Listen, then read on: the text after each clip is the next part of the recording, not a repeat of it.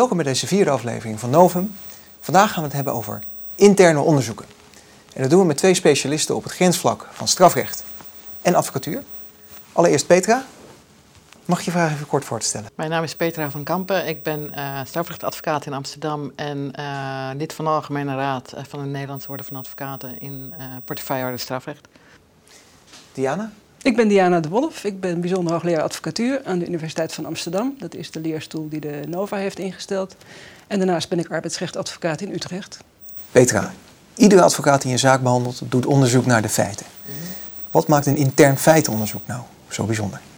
Nou ja, ik denk dat een intern feitenonderzoek een onderzoek is wat breder van aard is en, en diepgaander van aard is. In, bij een intern feitenonderzoek ga je meestal ook mensen interviewen, werknemers of, of derden, over een specifieke vraag. Uh, en meestal uh, houdt die vraag verband met handhavingsvraagstukken of, of, en daarmee ook wel strafrechtelijke vraagstukken. Dus is er fraude gepleegd? Uh, heeft een werknemer gestolen van het bedrijf? dat, dat soort vragen zou je kunnen krijgen in interne feitenonderzoeken. Diana, advocaten doen al een tijdje onderzoek. Waarom is het nu zo'n thema? Nou, het is een thema, denk ik, omdat er uh, uh, door, door, de buitenwereld, uh, de media, de politiek, gedacht wordt dat advocaten dat beter niet kunnen doen als het gaat om het doen van zeg maar compliance onderzoek, dus onderzoek naar, naar corruptie, naar fraude binnen bedrijven.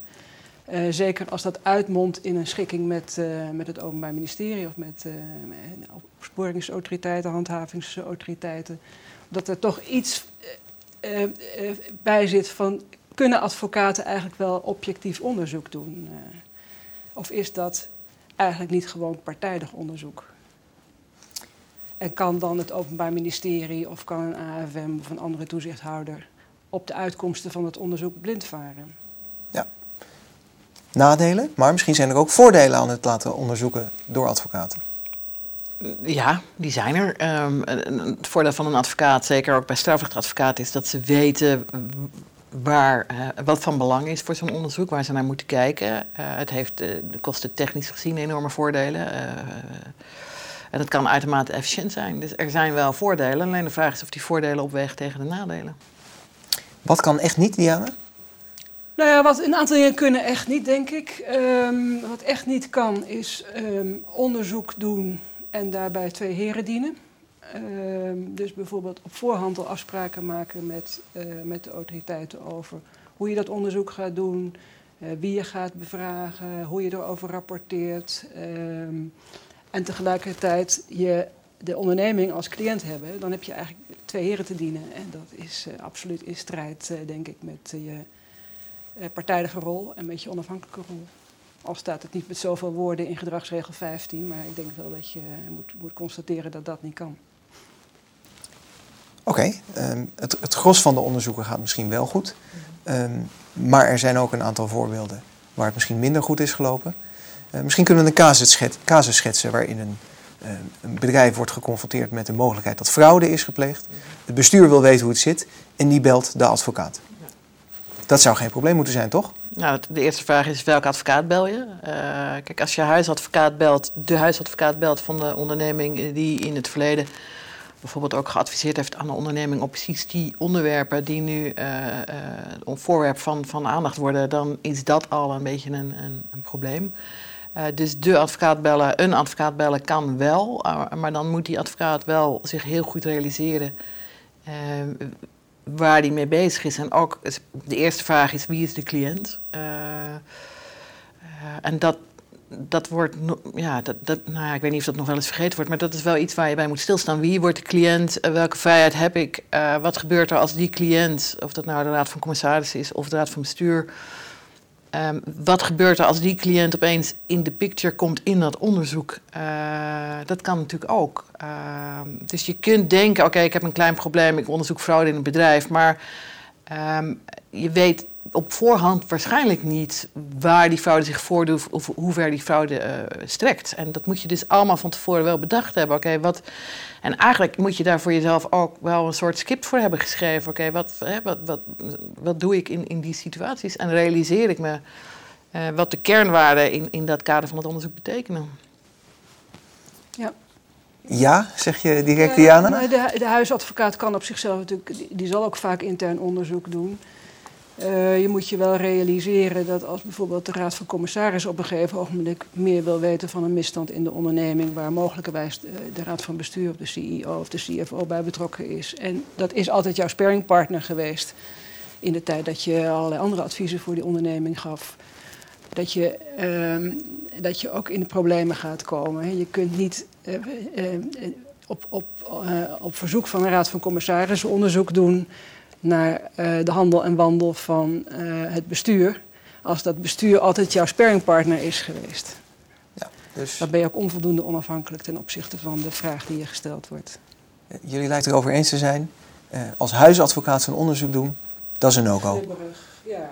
Nou, dat is een lastige. Niet als het gaat om bijvoorbeeld om, om de vraag: heeft iemand binnen het bedrijf zich schuldig gemaakt aan diefstal en hoe dan en waar is dat geld gebleven? Dan is het misschien anders. Maar zodra het gaat om dingen waar uh, die in potentie zich uitstrekken tot een hoger kader of de raad van bestuur of de raad van commissarissen, dan is de huisadvocaat wel uh, een, een, een, lastige keuze voor de onderneming, laten we het zo zeggen. En het zal ook de, de, de, kwaliteit, of niet de kwaliteit, maar het onderzoek niet ten goede komen als je dat niet van tevoren goed in beeld hebt gebracht. Een externe advocaat, of een nou, advocaat is natuurlijk naar zijn aard extern in, uh, in, in dit soort casus. Uh, maar een andere advocaat zoeken, lost dat het probleem op, Diana? Dat lost in ieder geval uh, dat probleem van uh, de onafhankelijkheid op. In de zin dat je zelf niet um, in de problemen kunt komen omdat je betrokken raakt bij iets waar je misschien eerder over hebt geadviseerd. Um, je blijft dan nog wel het vraagstuk houden van welke rol speel je nou eigenlijk? Ben je de partijdige adviseur of ben je echt puur een feitenonderzoeker?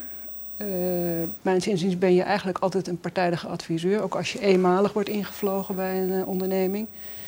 En die partijdige rol kun je niet zomaar afleggen. Hè? Dus um, in het doen van onderzoek kies je natuurlijk toch, uh, maak je keuzes die in het belang zijn van je opdrachtgever. En, um, als, een, als een bedrijf echt een puur feitelijk onderzoek wil, dan doet het er mijn zinziens beter aan om een niet-advocaat dat onderzoek te laten doen. Omdat die advocaat altijd die partijdige rol speelt, plus uh, geheimhouder is.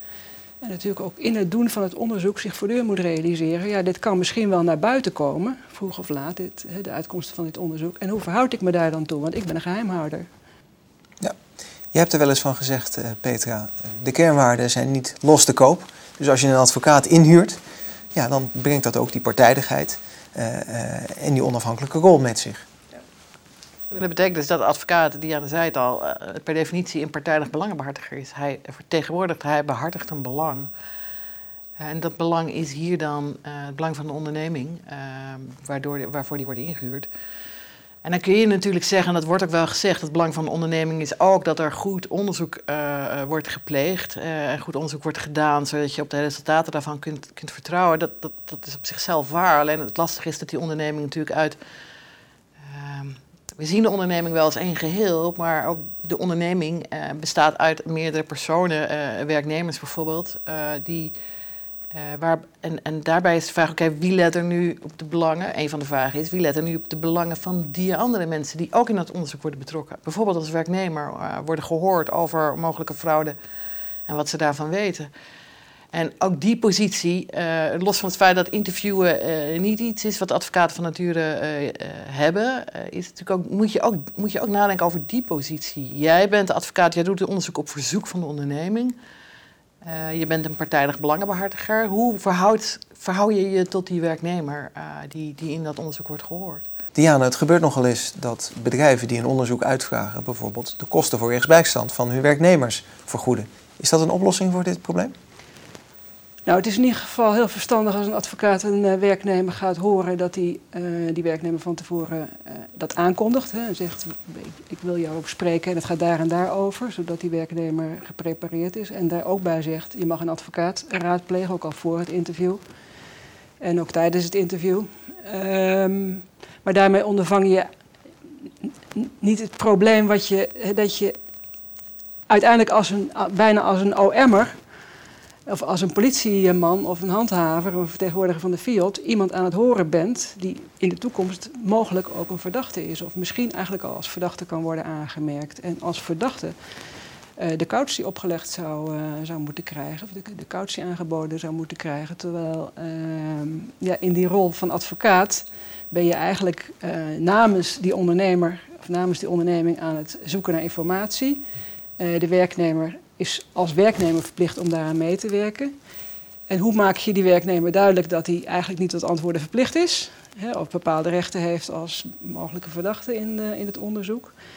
Um, zonder dat dat bij die ondernemer terechtkomt. Hè, want die gaat dat natuurlijk horen. Die gaat uh, dat lijstje af en zegt: Heb je die en die en die gehoord? Nee, die uh, weet ik niet. Dus, maar als belangenbehartiger van de onderneming moet je zeggen: Ja, ik heb meneer X of mevrouw Y niet gehoord, want die wou niet. Wat nou, Petra, als de toezichthouder of de handhaver zegt: Nou, ik zie al deze, al deze problemen, maar prima, ik accepteer dat er tekortkomingen in dit onderzoek zijn. De voordelen uh, zijn voor mij belangrijker dan de nadelen. Denk met name ook aan kosten van het doen van onderzoek. Uh, hoe kijk je daar tegenaan? Nou, dat vind ik een lastige uh, visie. Uh, dat is denk ik bekend. Ik heb vorig jaar, of twee jaar geleden is het alweer, volgens mij in het Gerbrandi-debat ook gezegd... kijk, als je een opsporingsonderzoek, als je een handhavend onderzoek laat doen... door de handhavende instanties, dus bijvoorbeeld politie, justitie, field...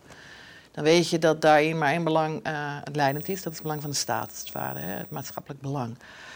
Um, daar kan je van alles van vinden, of dat goed gebeurt of niet goed gebeurt, maar dat is wel het belang dat leidend is. Op het moment dat je uh, toestaat dat uh, dat soort onderzoek wordt gedaan door ondernemingen, of namens ondernemingen door advocaten, of ook overigens door, andere soortige onderzoeken, uh, en je gaat daarop vertrouwen, dan betekent dat eigenlijk dat je in zekere zin de opsporing, de handhaving privatiseert.